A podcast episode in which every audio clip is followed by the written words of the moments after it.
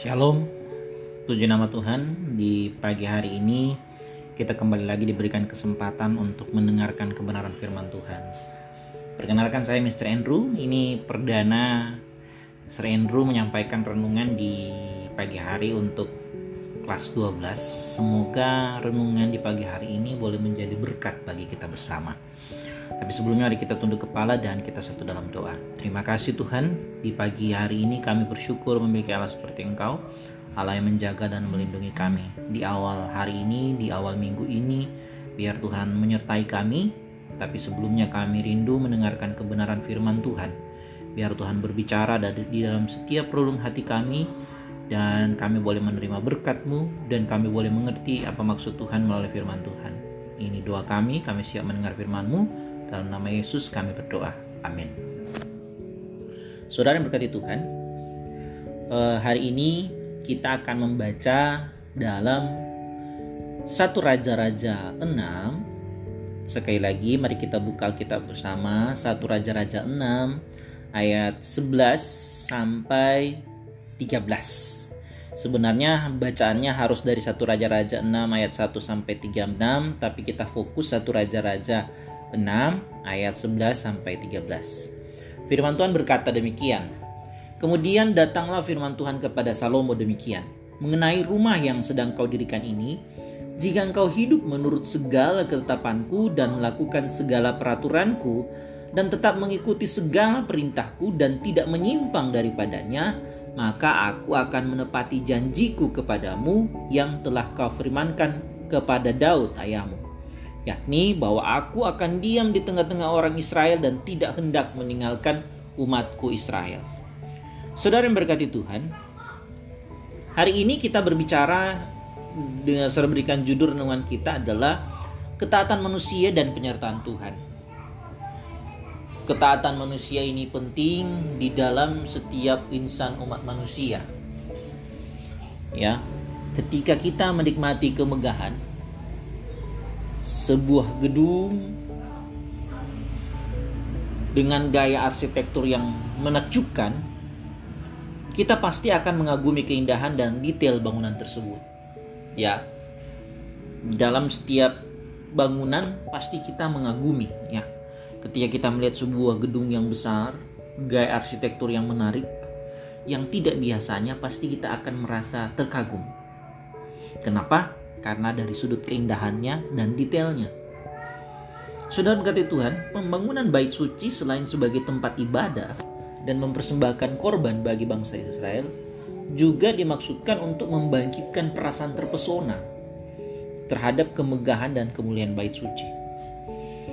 Bait suci yang dibuat oleh Salomo Daud tidak diizinkan untuk mendirikan bait suci. Oleh karena itu hanya ada kemah Daud. Tetapi Salomo diizinkan untuk mendirikan bait suci yang sangat megah bagi bangsa Israel. Tujuannya untuk apa? Supaya ada perasaan terpesona terhadap kemegahan dan kemuliaan bait suci. Nah, namun fokus bangsa Israel tidak tepat jika hanya diarahkan ke kemegahan bait suci. Ada sesuatu yang jauh lebih penting berkaitan dengan pembangunan bait suci. Yakni kita sudah baca tadi bahwa datangnya firman Tuhan kepada Salomo. Itu terdapat di dalam ayat 11 sampai 13 tadi. Saudara yang berkati Tuhan, bait suci merupakan lambang kehadiran Tuhan. Tadi di awal saya sampaikan bahwa Salomo memiliki motivasi mendirikan bait suci yang megah hanya supaya bangsa Israel terpesona terhadap kemegahan dan kemuliaan bait suci. Saudara berkati Tuhan, ini kita hari ini kita diingatkan bahwa bait suci merupakan lambang kehadiran Tuhan, bahwa Tuhan menyertai umatnya. Janji penyertaan Tuhan ini berkaitan erat dengan syarat yang harus dipenuhi oleh Salomo sebagai seorang raja. Yakni apa? Kesetiaan untuk menata, menaati segala ketetapan, aturan, dan perintah Tuhan. Pertanyaannya, janji yang mana?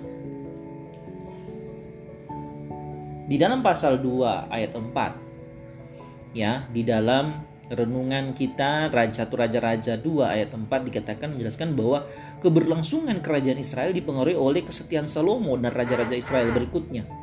Dengan kata lain, kerajaan Israel akan runtuh dan Tuhan akan meninggalkan bait suci. Artinya, Tuhan tidak menyertai jika Salomo dan raja-rajanya tidak setia. Kata kunci yang utama di sini kita temukan adalah kesetiaan. Tuhan akan memberikan janjinya kepada bangsa Israel, tetapi yang paling utama, setiap raja-raja di Israel harus setia. Fakta sejarah kerajaan Israel membuktikannya, yakni ketika Zedekia menjadi raja, itu bisa kita lihat di dalam dua raja-raja 24 ayat 18 eh, sampai uh, satu raja-raja dua raja-raja 25 ayat 9 itu melihat bahwa kesetiaan untuk taat pada akhirnya bukan hanya meruntuhkan kerajaan Yehuda tetapi menghancurkan bait suci juga. Apa yang terjadi? Tuhan membuang umatnya. Saudara yang berkati Tuhan, kita tidak bisa pungkiri bahwa kita sangat membutuhkan penyertaan Tuhan. Melalui penyertaannya kita dilindungi, dipelihara, dan diberkati.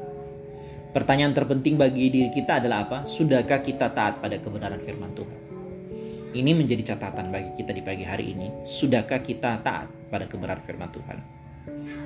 Kalaupun Tuhan di dalam Kristus dan melalui karya Roh Kudus berkenan menyertai kita di tengah-tengah keberdosaan kita saat ini, itu semata-mata karena apa? Anugerah Tuhan. Namun anugerah yang kita terima bukan berarti meniadakan tanggung jawab kita untuk taat pada firman Tuhan. Sebaliknya, anugerah seharusnya mendorong kita untuk taat kepada Tuhan Itulah respon kasih yang seharusnya kita terima dari Tuhan. Demikian firman Tuhan. Semoga firman Tuhan ini boleh menjadi berkat di pagi hari ini. Mari kita tunduk kepala dan kita satu dalam doa. Terpujilah Allah semesta alam yang mengingatkan kami untuk tetap setia kepadamu Tuhan. Taat akan kebenaran firmanmu Tuhan. Sehingga kami boleh memperoleh apa yang dijanjikan Tuhan. Dan semuanya itu karena anugerah Tuhan, bukan karena kami Tuhan. Biarlah kami dilayakkan untuk menjadi anakmu dan kami boleh melakukan aktivitas kami sepanjang hari ini dengan baik melalui pembelajaran online, baik kami sebagai seorang guru maupun kami sebagai seorang siswa. Berkati kami Tuhan, biar kolaborasi boleh terjadi sehingga kami bisa mencapai uh, pembelajaran dengan baik dan di mana nama Yesus yang dipermuliakan. Terima kasih Tuhan. Di dalam nama Yesus kami berdoa. Amin.